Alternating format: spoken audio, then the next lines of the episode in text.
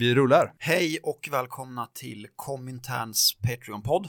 Det är februari. Vi ska göra podd. Panelen är fulltalig och mysfaktorn är hög. Hej Gaspar! Hur är det med dig och vad har du tänkt på sen sist? Mitt liv har dominerats av två saker. Eh, dels att jag har börjat experimentera med att göra iste och blanda det med lemonad eh, och olika former av kroppsvätskor. Stryk det, det var bara ett skämt. Inga kroppsvätskor har blandats. Det tycker jag är givande och intressant och kul. Jag har börjat intressera mig för svart te. Och sen så, det andra är att jag börjat spela dataspel igen för första gången sedan jag var ett litet vårtvinsbarn. Innan du går in på det, vad tror du om en lapsang där? Lite rökt eh, svart kinesiskt te blandat med, med den där citronen. Lapsang och sen så börjar jag göra min egna lemonad. Och det, det här är ett så kallat rabbit hole som man kan falla ner i handlöst. Det är ett slippery hipsterhål. Det är ett slippery hipsterhål. Man kan hamna i. Och jag förstår hur det där lät och nej, det var inte det jag menade. Oh, det, det, jag förstår ingenting alls. Om vi, om vi har lyssnare som tänker konstiga och onda tankar om det där så får det stå för dem. Eh, men eh, nej, jag vet inte, jag, har spelat jättemycket eh, Disco Elysium som heter eh, Peka Klicka rollspel. Ja, jag har inte varit intresserad av dataspel på många, många år och nu eh, snubblade jag över det här, blev tipsad av en, en eh, god vän och en kamrat. Och wow, om, om du som lyssnare är överhuvudtaget lite, lite intresserad av eh, RPG-dataspel, peka klicka eh, och eh, typ politik, spela det. Eh, ladda ner det olagligt eller köp det, whatever. Jag rekommenderar det varmt. Man spelar som en alkoholiserad detektiv och så kan man välja om man ska vara stark, smart eller, eller slug och sånt i början. Jag vill inte sitta och babbla om det här hela podden, men det är mycket mer komplext än så naturligtvis. Absolut grunden för en extremt komplex berättelse. Alltså att man har inre demoner, att man förföljer folk och så kanske man blir paranoid för att man blir förföljd tillbaka och sånt. Liksom. Ja, men det handlar jättemycket om den inre, karaktärens inre resa. Man har mycket sådana dialogrutor som är där typ ens limbiska system bråkar med ens reptilhjärna. Och eh, man kan liksom börja spelet med att vägra att vakna ur en alkoholkoma eh, och bara säga nej jag vill hellre dö. och, så, och så vidare och så vidare. Det bara fortsätter så och blir roligare och bättre. Så som sagt, varmt tips. Hej Tor. Hej hej. Hur är det med dig? Det är fantastiskt med mig. Eh, som vanligt. Eller jag mår generellt eh, väldigt bra. Du är blessed. Jajamän, jag har, eh, jag har en sån eh, positiv disposition så att jag eh, väljer glädjen väldigt ofta. eh, har jag tänkt på. Eh, och det tycker jag är härligt. Jag är glad att det är eh, lackar mot vår. Och att eh, snart så kommer tältet fram. Och jag ska ut och kampa igen. Men det är någon månad kvar i alla fall. Det får bli lite varmare podd är ju inget visuellt medium, men det har alltså regnat slask snett nerifrån hela dagen idag. Jajamän, och då tänker jag på hur jävla redo jag är för våren. Mm. Den första tranan har landat vid Hornbågasjön och Ryan har landat i studion. Eh, det är bra med mig. Jag har gått och tänkt på, jag kan inte sluta tänka på, på den här uh, artikeln, uh, vad heter den? Vår tids proletärer går i psykoanalys. Just det, den här skickade du för ett par veckor sen. Sen blev det inget med det. Ja, ja absolut. Jag tycker bara att det, det, alltså jag kan inte sluta tänka på det för att det är ändå någon som skulle kunna vara kamrat som har skrivit det, någon kulturskribent som också är psykolog och hänger i Paris och som har skrivit kanske den minst sexiga möjliga framtiden. Får jag läsa ett utdrag ur den? Självklart. Så hur ser framtiden ut? Eller rättare sagt min bild av den när jag nu lägger den på divanen. Alltså att man ligger på en divan och uh, har psykoanalys. Så här, jag ser en framtid där rasismen, sexismen och fascismen kommer att vara så gott som ett minne blott. Det är bra, det gillar vi, eller hur? Uh, något som löses redan på dagis. Så alla som är rasister och sexister på dagis, de uh, psykoanalyseras bort antar jag. Genuspedagogik. ja, det är, det är skitbra. Det är jag far för övrigt, oironiskt. Ja, ja, ja, absolut. Men det är också roligt om man tar in barnen och börjar prata om deras libido och sånt. en framtid där binära kommentarer som likes och dislikes kommer betraktas som lika primitiva som handavtrycken i stenålders grottor. Men, får jag bara komma in med flikar, de handavtrycken betraktas som vördnad. Alltså det är ju ändå första uttrycket för någon slags här estetisk verksamhet hos människan. Precis min tanke också. Ja, eller hur? Det är ju balt.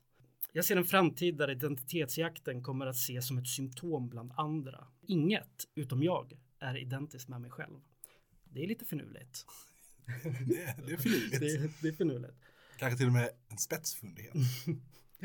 Det här, nu börjar det komma. Nu kommer kaoset här. Kaospsykologen eh, in.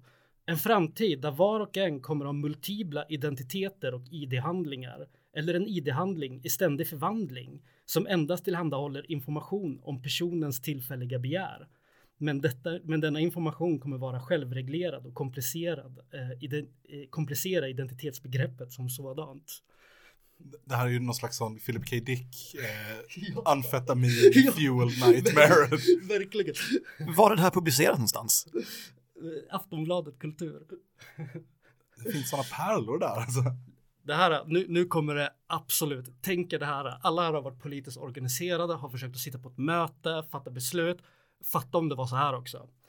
Länderna kommer att styras av författare, konstnärer, filmare, musiker, dansare eller dramaturger. Okej, där tappar hon mig. Människor kommer kunna välja fritt vilken fiktion eller realitet du vill leva i. Städerna, kvarteren, gatorna kommer bära namn efter olika känslor och affekter beroende på olika grader av komplexitet. Va? Ja, det- beroende på olika grader av vet- Så att ju större gata det är, så att liksom en, en sidogata är så här sur. Men, men en, en, en mäktig boulevard, Avenyn, blir omdöpt till, eh, jag vet inte, Oidipuskomplexet eller så här. Det är ju väldigt märkligt. Oj, det är på stråk. Oidipusstråket. Kontrollorgan och myndigheter kommer styras av personer som gått i analys och förstått hur Eros och ursäkta att jag slaktar det här. Du är ingen gammal grek. Thanatos, Thanatos, livs och dödsdrift hänger ihop. Val och partiledardebatter kommer att likna filosofiska symposier eller poetry slams där den mest intressanta berättelsen, dikten eller livsvisionen kommer att vinna. Alltså fattar du hur hemskt det här kommer vara? Okej, vi säger att det här är fint och sitta liksom så här. Eh, det kommer in några personer och bara så här. Eh, vi, vi har eh, varje år så märker vi att vi har eh, översvämning eh, på grund av skyfall och vi måste åtgärda det på något sätt. Våra dräneringssystem fungerar inte. Och så kliver någon jävla tjomme upp och bara dränering. Du dränerar min själ. ja, alla bara ja, vi tar det. Vi tar han som dränerar själen. Han vinner. Bra. Oh, är det inte scientologkyrkan som har utsett eh, psykologen och terapeuterna till mänsklighetens största fiende? Ja, och kanske den här podden också. Mm. Så vi har verkligen någonting gemensamt där. Det är en trojka av italienare, nazister och psykoterapeuter. 100 procent. ja. Ha, hur, mår, hur mår Rorsman? Jo, men Rosman Andreas mår som en prins. Eh, Jag läste häromdagen eh, Torki Lauesens, den här Swedens integration into the imperialist world system. Mm. Onödigt lång titel Ja. faktiskt. Väldigt långa. Och så bara i en, liksom en bisats så nämns Sveriges, ett av Sveriges tidiga koloniala försök. Jag tänker att alla här är bekanta med Sankt Bartolomeo, eller hur? Mhm. Den här slavfortsön. Men det är inte den vi ska prata om. Vi ska prata om Kongokonferensen 1884. Känner ni till? Nej. Nej, aldrig hört talas om. Så von Bismarck sammankallade till en konferens i Berlin eh, där 14 länder deltog för att dela upp en liten kontinent med namnet Afrika mellan sig. Det hade gjorts koloniala försök och erövringar redan, men det var vid den här konferensen som de gränserna som mer eller mindre fortfarande gäller i Afrika De, eh, ritades. Berömda, så rakt eh, linjal eh, uppritade gränserna. Exakt. i Afrika. Exakt de helt naturliga spikraka gränserna. Jajamän, jajamän. Eh, Sverige deltog eh, för att vår kung hade fått en inbjudan av sin gode vän kung Leopold, den andra av Belgien. Mm. Också kul kille. Bra, bra person att vara kompis med. Mm. Och vår, vår som är svenskarnas representant på plats, han hette Gillis i förnamn. Och efternamnet kommer jag hålla på lite, lite grann. Ändå queert namn. Queert med Gillis, ja. Eh, Sverige var, som ni förstår, en av de allra minsta spelarna på den här konferensen och vi gjorde ingen jättedeal. Sverige hade väl inte ens en, en, var väl inte ens en av de ordinarie inbjudna länderna. Nej, men kung Leopold den andra sa Kom igen, skyrra, Sverige får sitta med. Ja, ni får ett eh, plus ett, eh, så vi är Leopold, kung Leopold, folkmördarens eh, plus en. Ja, ja, men exakt så var det. Och vi fick inga landområden då. Som, vi var den minsta, tror jag, den sist inbjudna av 14 länder. Men Belgien, schyssta, gav ändå Sverige vissa rättigheter inom det som då var belgiska Kongo. Så 500 svenskar reste ner och hjälpte Belgien med att plundra området på allt av värde i ett extremt rått och utdraget folkmord. Där sluträkningen tror jag har landat på 30 miljoner döda och naturligtvis ett obeskrivligt trauma som präglar Kongo och hela kontinenten fortfarande. Ja, troféjakt på händer. Ju fler avhuggna händer man lämnade in, ju alltså som Bounty Hunter då, då på eh, ursprungsfolk och så som ja, alltså kongoleser som inte ville arbeta eller gjorde motstånd och så, så kunde man få en prissumma tror jag på händer som man högg av. Så folk reste runt och bara högg händerna av alla människor i byar och så och lämnade in de här händerna för Precis. Känd för den här podden, Stig trota varenda jävel Jajamän. och nu dog du. Eh, Sven Lindqvist. Sven Lindqvist, eh, utrota varenda jävel. Eh, läs den, den är bra. Just det. Tycker vi här idag dåligt folkmord, plundra, hugga händer, kolonialism. Mm. Med den svenska maktens 1800-talsglasögon. Bra, schysst, vi fick vara med och hjälpa till. Eh, Sveriges förhandlare då, Gillis. Gillis eller Gillis, han gör en strålande politisk karriär efter det här och väljs till statsminister fyra år senare. Vilket år är det här? Ja. När är Kongokonferensen? 1884. 1884. Så att det är liksom precis i början av eh, förra sommarserien. Ja, just det, precis. Gillis är farfars farfar till en nutida politiker. Carl Bildt. Ja, Gillis heter Bildt i efternamn. Åh! Jag, bara, jag kunde inte låta bli, jag bara snappade upp Gillis Bildt i Torkel Lauasens bok och kände att jag var tvungen att dra det för er. Det här var helt nytt för mig, men naturligtvis är plundringen och folkmorden på den afrikanska kontinenten någonting som Bildt-klanerna ägnat sig åt i fem generationer. Exakt och nästan hundra år senare, exakt, så blir ju Carl Bildt statsminister i Sverige och eh, sitter och snackar om eh, ja, arbetar man så ska man ju ska man ju få behålla sina pengar och bla bla bla. Tio år senare så åtalas eh, en eh, eller han pekas ut som delaktig i folkmordet i Darfur i egenskap av styrelseledamot eller någonting i Lundin Petroleum. Stolt familjetradition. Lukas Lundin, vdn för Lundin Oil, har fått en obotlig hjärntumör precis. Åh nej, vad sorgligt. Ja, stackare. Mm. Kaminter. Ofta väldigt okunnig om sakfrågor vi diskuterar. Mycket omoget intryck. De är stöddiga. De är otrevliga. De smäller i dörrar. Och de ljuger om oss.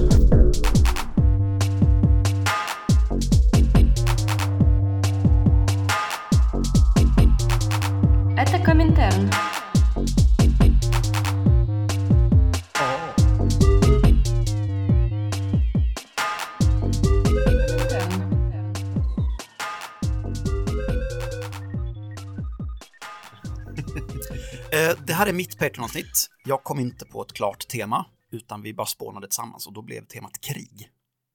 Nice. Var ska vi börja någonstans? Vapen är coola, fast de får inte användas på ett dåligt sätt. Nej. Ska vi gå kronologiskt fast baklänges? Ska vi börja i det mest samtida kriget, eller icke-kriget?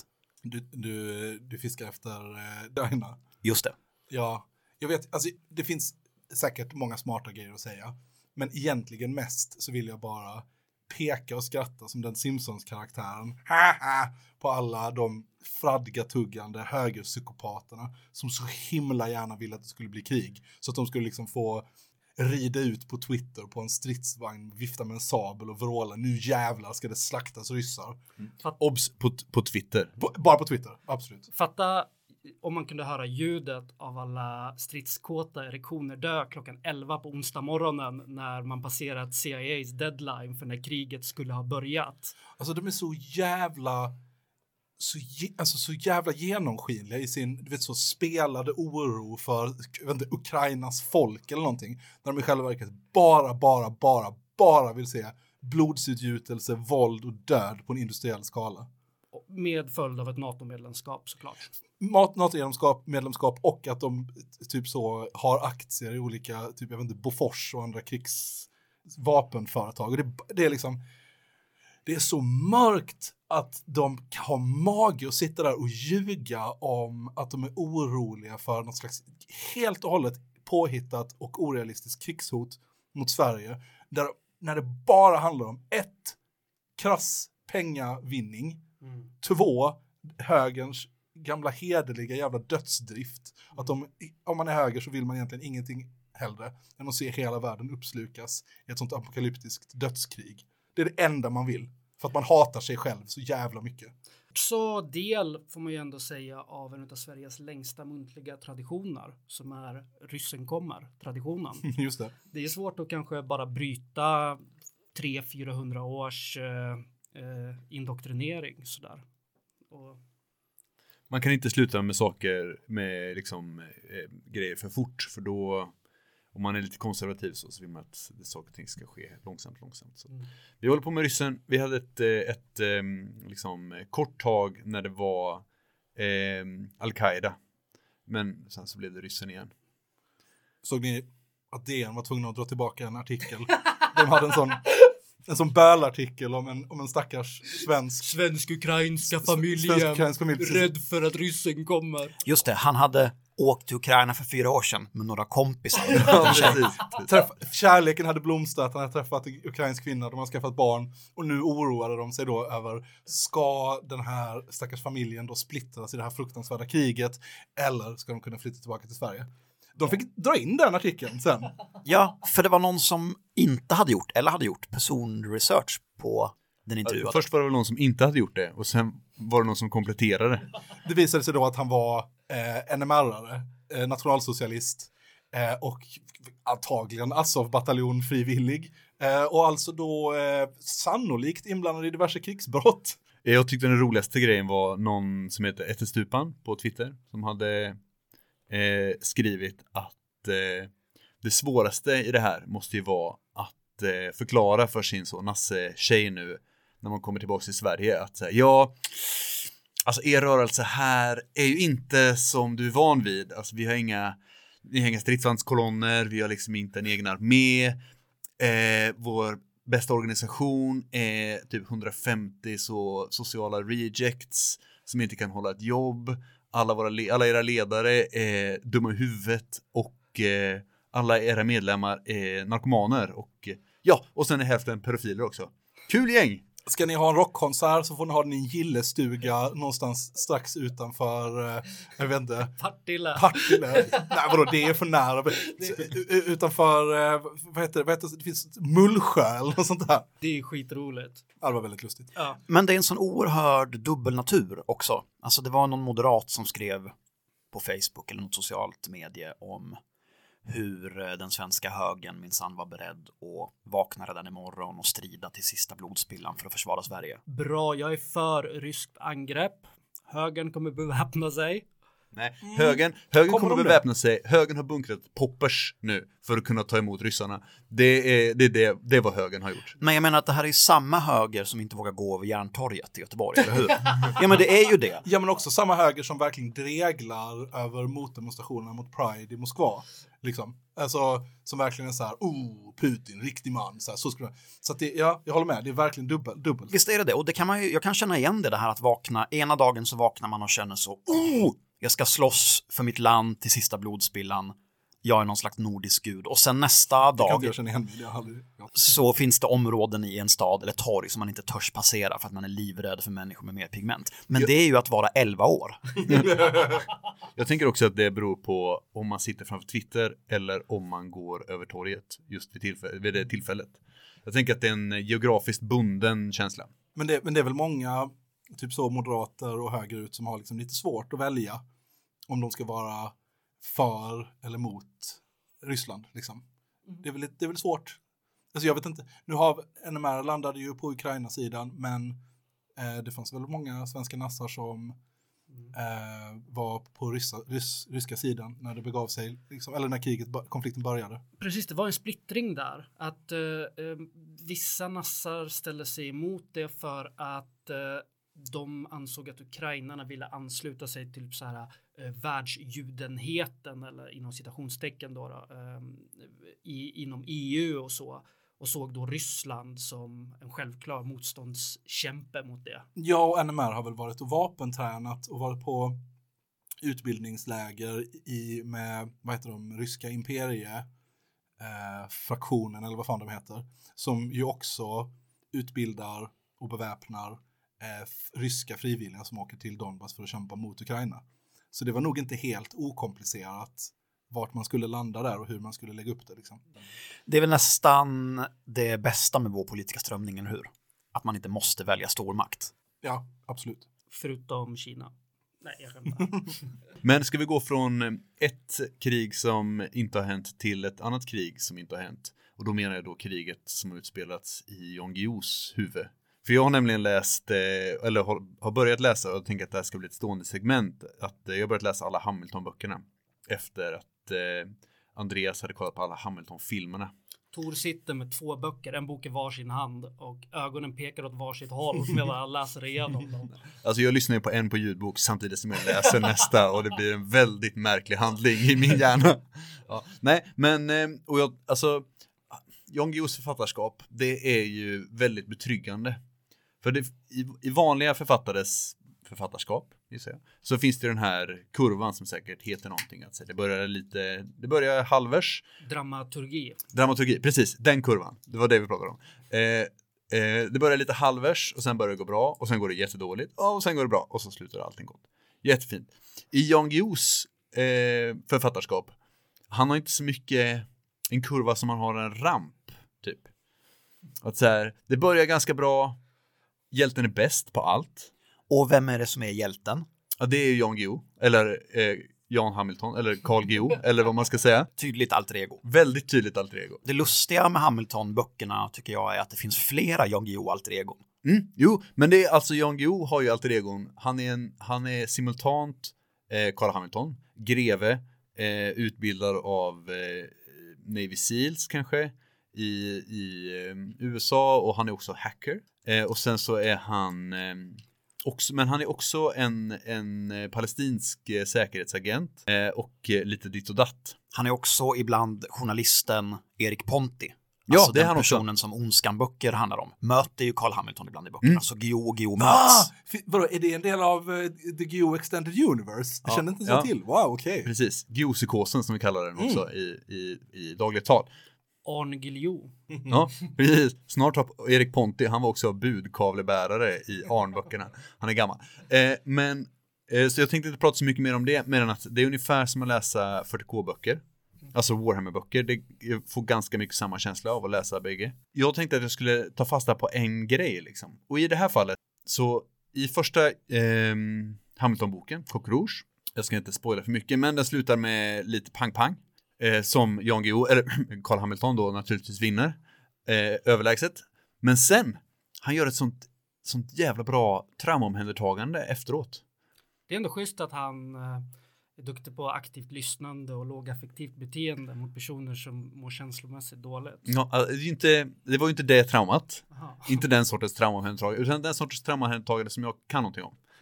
Och jag blev så himla imponerad, för jag var så här, "Ja, ja, bla bla bla, Jan Guillou, okej. Och sen bara, ja men, försöka värma upp patienten så att han inte ska, så man ska kunna få en bättre koagulationsförmåga, han sätter något toniker, han håller på, vad han gör, vad jag måste ge honom backning på, men jag vet inte hur liksom eh, forskningen såg ut 1980 någonting när den här boken kom. Jag försöker lägga tryckförband över en thoraxskada på en patient. Det kommer inte ge någonting. Man behöver lägga ett tredelat förband. Det är effektivt. Kritik mot Jan Guillou har inte riktigt gjort sin research. Nej, kritiskt, kritiskt stöd. Bra med uppvärmning av patienten, dåligt med tryckförband över skottskada i thorax. Eh, Jan, nästa gång, tredelat förband, luft måste kunna komma ut, men får inte komma in. Thorax är en väldigt speciell del av kroppen som har en väldigt speciell anatomi. Men vi säger väl att Jan har en stående inbjudan till podden och kommer att försvara sin, eh, sin skapelse och, och lägga ut eh, och breda ut sig om The, the Guillou Extended Universe. Absolut, om Jan vill komma och prata om The Geo Extended Universe, då är han välkommen. Grymt, vilken fest du har framför dig Tor. Mm. Och alla ska få vara med på det här, för det här kommer bli eh, resten av året.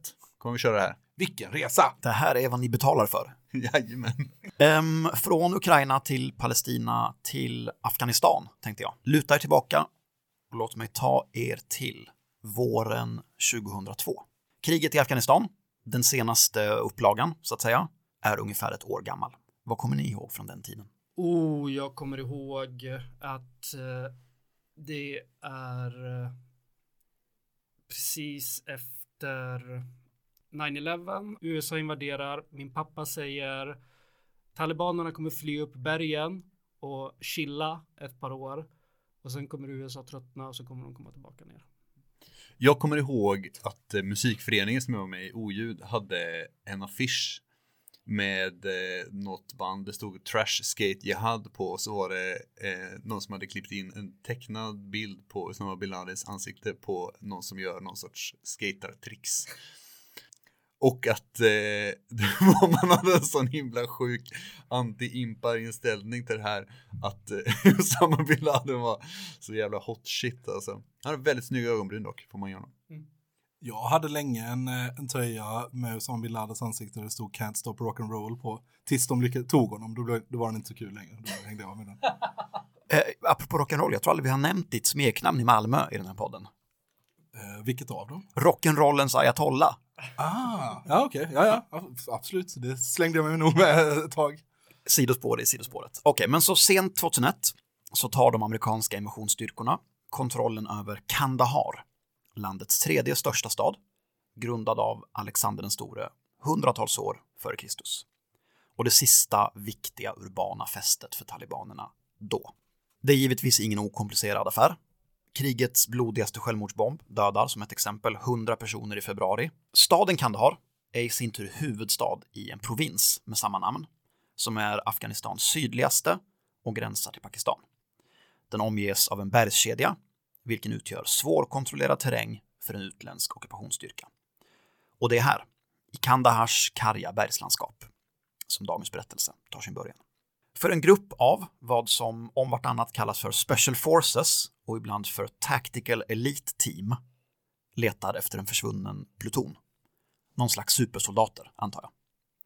För även om invasionen och kriget har varit svårt och komplicerat så ska inte hela plutoner försvinna. Var det, med den här plutonen, menar de han killen som amerikanen som fick för sig att jag ska fånga Usama bin Laden åkte till Pakistan med mörkerkikare, en pistol och ett ninjasvärd försökte gå över bergen insåg, nej, han blev stoppad i Pakistan redan för han får inte flyga med ett ninjasvärd och en pistol men, eh, och sen så visade det sig att han har inga njurar och går på dialys eh, och ska försöka gå över bergen in i Afghanistan för att ensam liksom ta koll på Osama bin Laden och bli hjälte. Jag tror inte det, men eh, det specificeras aldrig exakt vad den här plutonen är. Den är väl superhemlig, antar jag. Men man misstänker, som ni förstår, ett bakhåll i Kandahars karga berg. Sökarna följer en getstig mot vad deras guide säger ska vara en grottformation högt upp på ett berg. De tycker att stenformationerna längs stigen ser onaturliga ut och mycket riktigt stöter de så småningom på spår av krossad kommunikationsutrustning, kläder och då tyvärr för deras del rester av mänskliga ben. De fortsätter sin väg upp mot grottan och sen så intar de någonting som kallas för en anti-bakhållsformation. Jag vet inte hur en sån skulle se ut riktigt. killen längst bak vänder sig om och riktar sitt vapen åt andra hållet. Jag tänker att de sitter i en liten ring på en höjd. Ja. Eh, så, igelkottsförsvar kallas det. Eh, I antibakhållspositionen så händer någonting som ingen av elitstyrkans soldater är tränade för. Ut ur grottan stormar en man med eldrött hår, sex fingrar, i lädermockasiner och omgedd av en fruktansvärd stank. Men det är inte det mest anmärkningsvärda. Mannen är nämligen fem meter lång. What? Jag trodde den här bilden som jag har sett var från ett tv-spel eller möjligen någon actionfilm. Berätta mer. Håll oss inte på halster. Den rödhårige mannen med sex fing- fingrar, mockasiner, som är fem meter lång, bär ett enormt spjut med vilket han spetsar en av soldaterna. Innan resten av truppen, i sin listiga antibakhållsformation, öppnar eld. Och inte lite heller, utan det vittnas om en 30 sekunder lång automatisk eldgivning mot ansiktet innan den här personen faller död till marken. Och soldaterna, de vet precis vad de har mött. Nefilim. Ah, okej. Det är hebreiska för jätte. Vad kan ni om det gamla testamentets jättar? Nifelheim. Nästan. Det är nära, men det är helt annat. Ja. Var det inte, eh, de, det jag tänker direkt på är de här, eh, att det vad kreationisterna hävdar att alla jävla dinosaurieben är. Det är Nephilim, de gamla bibliska jättarna. Det är deras ben De, som man lyckas gräva upp då. de namnkunniga jättarna kallas de för i Bibeln. De kom tydligen till av att människor hade sex med änglar. Och det är en av skälen till att Gud eh, aktiverade syndafloden. Det är det sjukaste, för jag har ändå sett bilder på hur änglar är beskrivna i Gamla Testamentet och det är typ ett gytter av vingar och ögon, det ser inte alls hett ut. Eh, Men människor ligger ju med lite vad som helst. Men och, shit vad mycket vi visste om eh, Nefilimerna ändå sammanlagt. Ja, men vad, hur, hur fortsätter historien? Ja, sen är det locket på. Helikoptrar hämtar kroppen, det är alla överens om, och manskapet beordras att aldrig någonsin tala med någon om saken. Visst, det känns som en svinhög eh, eh, sannolikhet att folk skulle lyda den orden. Nej, för bland amerikanska trupper i Afghanistan så börjar ryktet att gå. Ryktet om Nephilim. Och 2016 lyckas den evangelistiska dokumentärserien The Watchers få tag i en av soldaterna som var med. People have a right to know about its, this stuff, säger han. If there are 15 or 18 footers roaming the earth Right on. We call them footers now. and our military has brought them down, we have a right as, an Amer- as American citizens to know about it. And if it points to the Bible's narrative being accurate, they don't want it, säger han. If it goes against Darwinian evolution, it is not to be speaking about. Jag är inte kristen och det var verkligen jätte, jätte, jättesvårt att hitta någon källa till det här som inte var kristen amerikansk ultrahöger. Så jag tittade på hemsidan Snoops, eller Snopes. Känner ni till? Nej, vad är det för någonting? nej. Ja, men det är som den största internationella viralgranskaren. Om du dyker på ett rykte på internet som du inte är riktigt säker på, då kan du kolla Snopes, bestämmer jag mig för att den heter nu.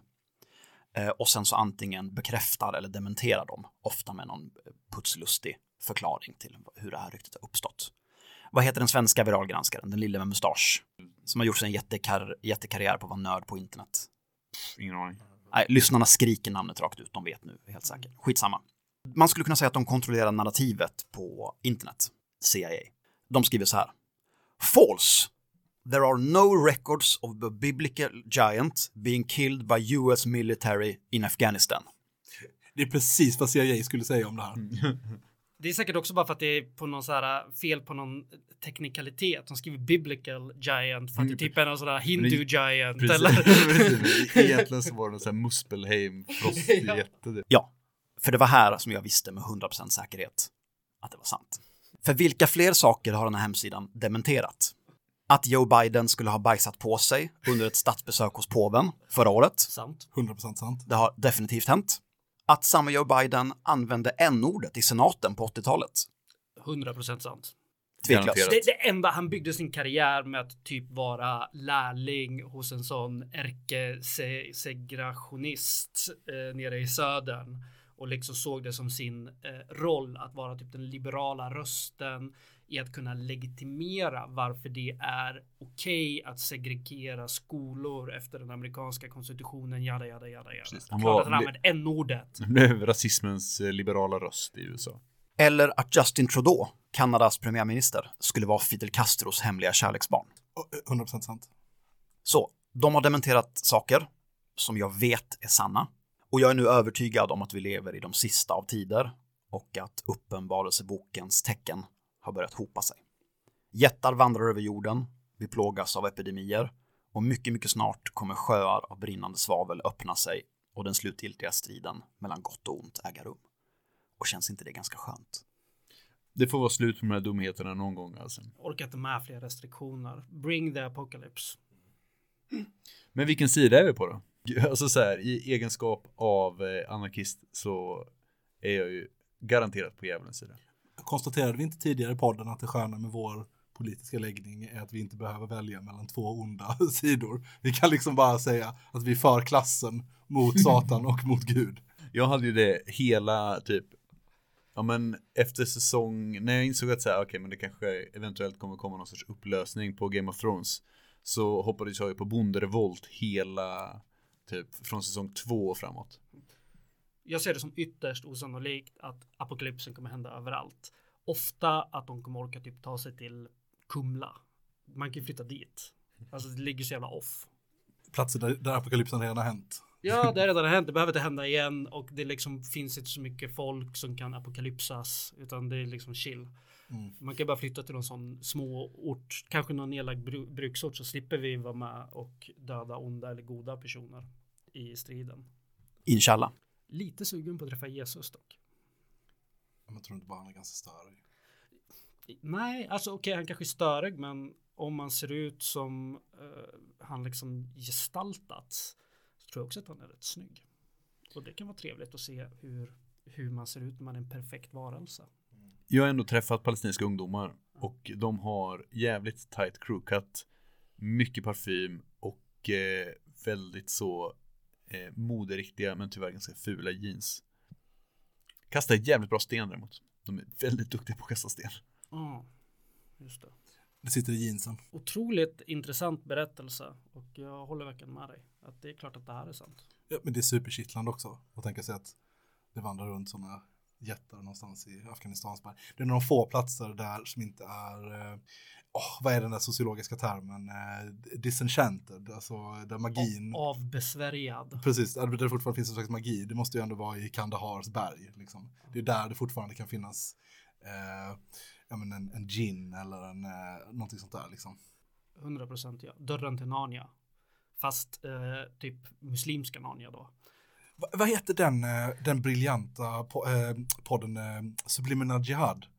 Eh, som, där, där snackar de mycket om gins, som är sådana, de tänker sig att det är någon slags, eh, kanske inte direkt onda, men, men luriga demoner eh, som lever eh, liksom ganska nära mänskligheten och dyker upp och ställer till med olika saker. Och så fort CIA eh, har då dragit igång någon, någon slags någon ny komplott så är de genast så i den podden. It's the gin, it's the gin! It sounds like gin to me. Och så är det så, har de sådana fyra timmars mm, avsnitt som bara de bara står och maler konspiratorisk, eh, ren sån eh, brain slush, skitbra podd, jag rekommenderar den. Det hade varit svinkul om så fort CIA drar ihop någon ny grej så kommer det en gin och bara Ja men de tänker sig nog att det är så ganska ofta. Eller kanske att det är olika jeans som drar igång olika konspirationer. Ja, nej men jag tänker att det är liksom att eh, CIA drar igång en, en, någon operation och sen kommer någon gin och typ så här eh, säger fel till någon. Mm. Klär ut sig till någon och bara säger fel information och typ bara ser till att allting går åt helvete. Jag, jag hade typ, jag hade så här en solid vecka i somras tror jag när jag var, där jag bara blev så här, ah, ufon, jag tror på det här nu. Alltså det var, det var rikt, riktigt djupt in i ufo-träsket. Ehm, och övertygade mig själv om det. Nu har jag backat lite från det. Men jag, jag har fortfarande gått från, från att vara så 99,9% bullshit, 1%, 0,1% kanske det finns eh, ufon, till 98% bullshit, 2% kanske. Mycket ufon på Snopes hemsida kan jag säga. Det kan jag tänka mig. Hörde ni kamrater, jag eh, ska upp imorgon och eh, förtjäna mitt levebröd. Så jag måste nog eh, börja bege mig. Ska vi säga någonting om vad som händer härnäst? Vad kommer det för podd? Vad har vi spelat in idag till exempel? Vi har idag spelat in en intervju med Tommy Sundvall eh, angående hans bok Äventyr i senkapitalismen, seriebok Äventyr i senkapitalismen. Det kommer ett gäng till intervjuer. Ja, eh, inspelade i Malmö. En med idrottskollektivet, den socialistiska idrottsföreningen Collective Effort. Jajamän. Och en intervju med journalisten och skribenten Elina Panke om vänsterns avhoppare. Så kallade. Verkligen. Em, Insprängt någonstans emellan så kommer det komma eh, något ännu inte avslöjat avsnitt. Tror jag. Oj, Kanske. spännande. All right, vi säger tack va? För att ni är Patreons. Tack så himla mycket. Ni är bäst. Ja, tack. Vi älskar Verkligen. er. Eh, Eftersom det är mitt Patreon-avsnitt så kommer jag bestämma outro. Och idag så kommer vi att höra vår vän och tidigare gäst Lovinas debutsingel. En superolycklig alla hjärtans dag-låt. Det gillar vi. Mm. Lycka gillar vi inte. Nej, jag skulle vilja gå så långt som att säga att det är en läcker låt. Det är det. Så den kommer här och så hörs vi. From there. You said it would end with your hands in my hair. I know all about her, but I know I want you. It's like all these lies created the truth.